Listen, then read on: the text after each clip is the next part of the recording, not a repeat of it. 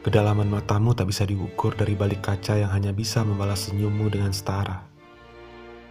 Atau dari jauh pandangmu ketika kau memotret jendela yang sedang terlungkup di kaki senja.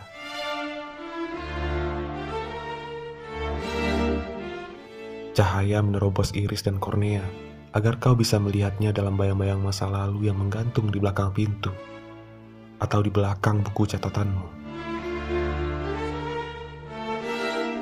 Matamu adalah mata mimpi yang selalu mengutip dan mengintip jalan pikiranku ke bawah bantal.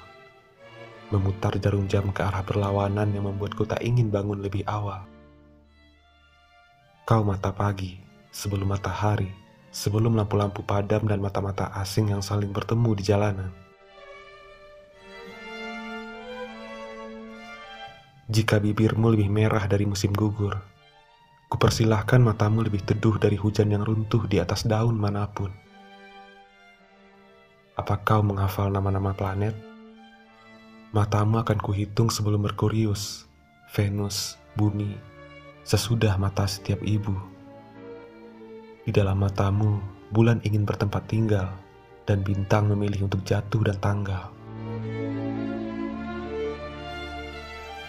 Hal-hal yang berhubungan dengan matamu adalah hal-hal yang berhamburan di tulisanku.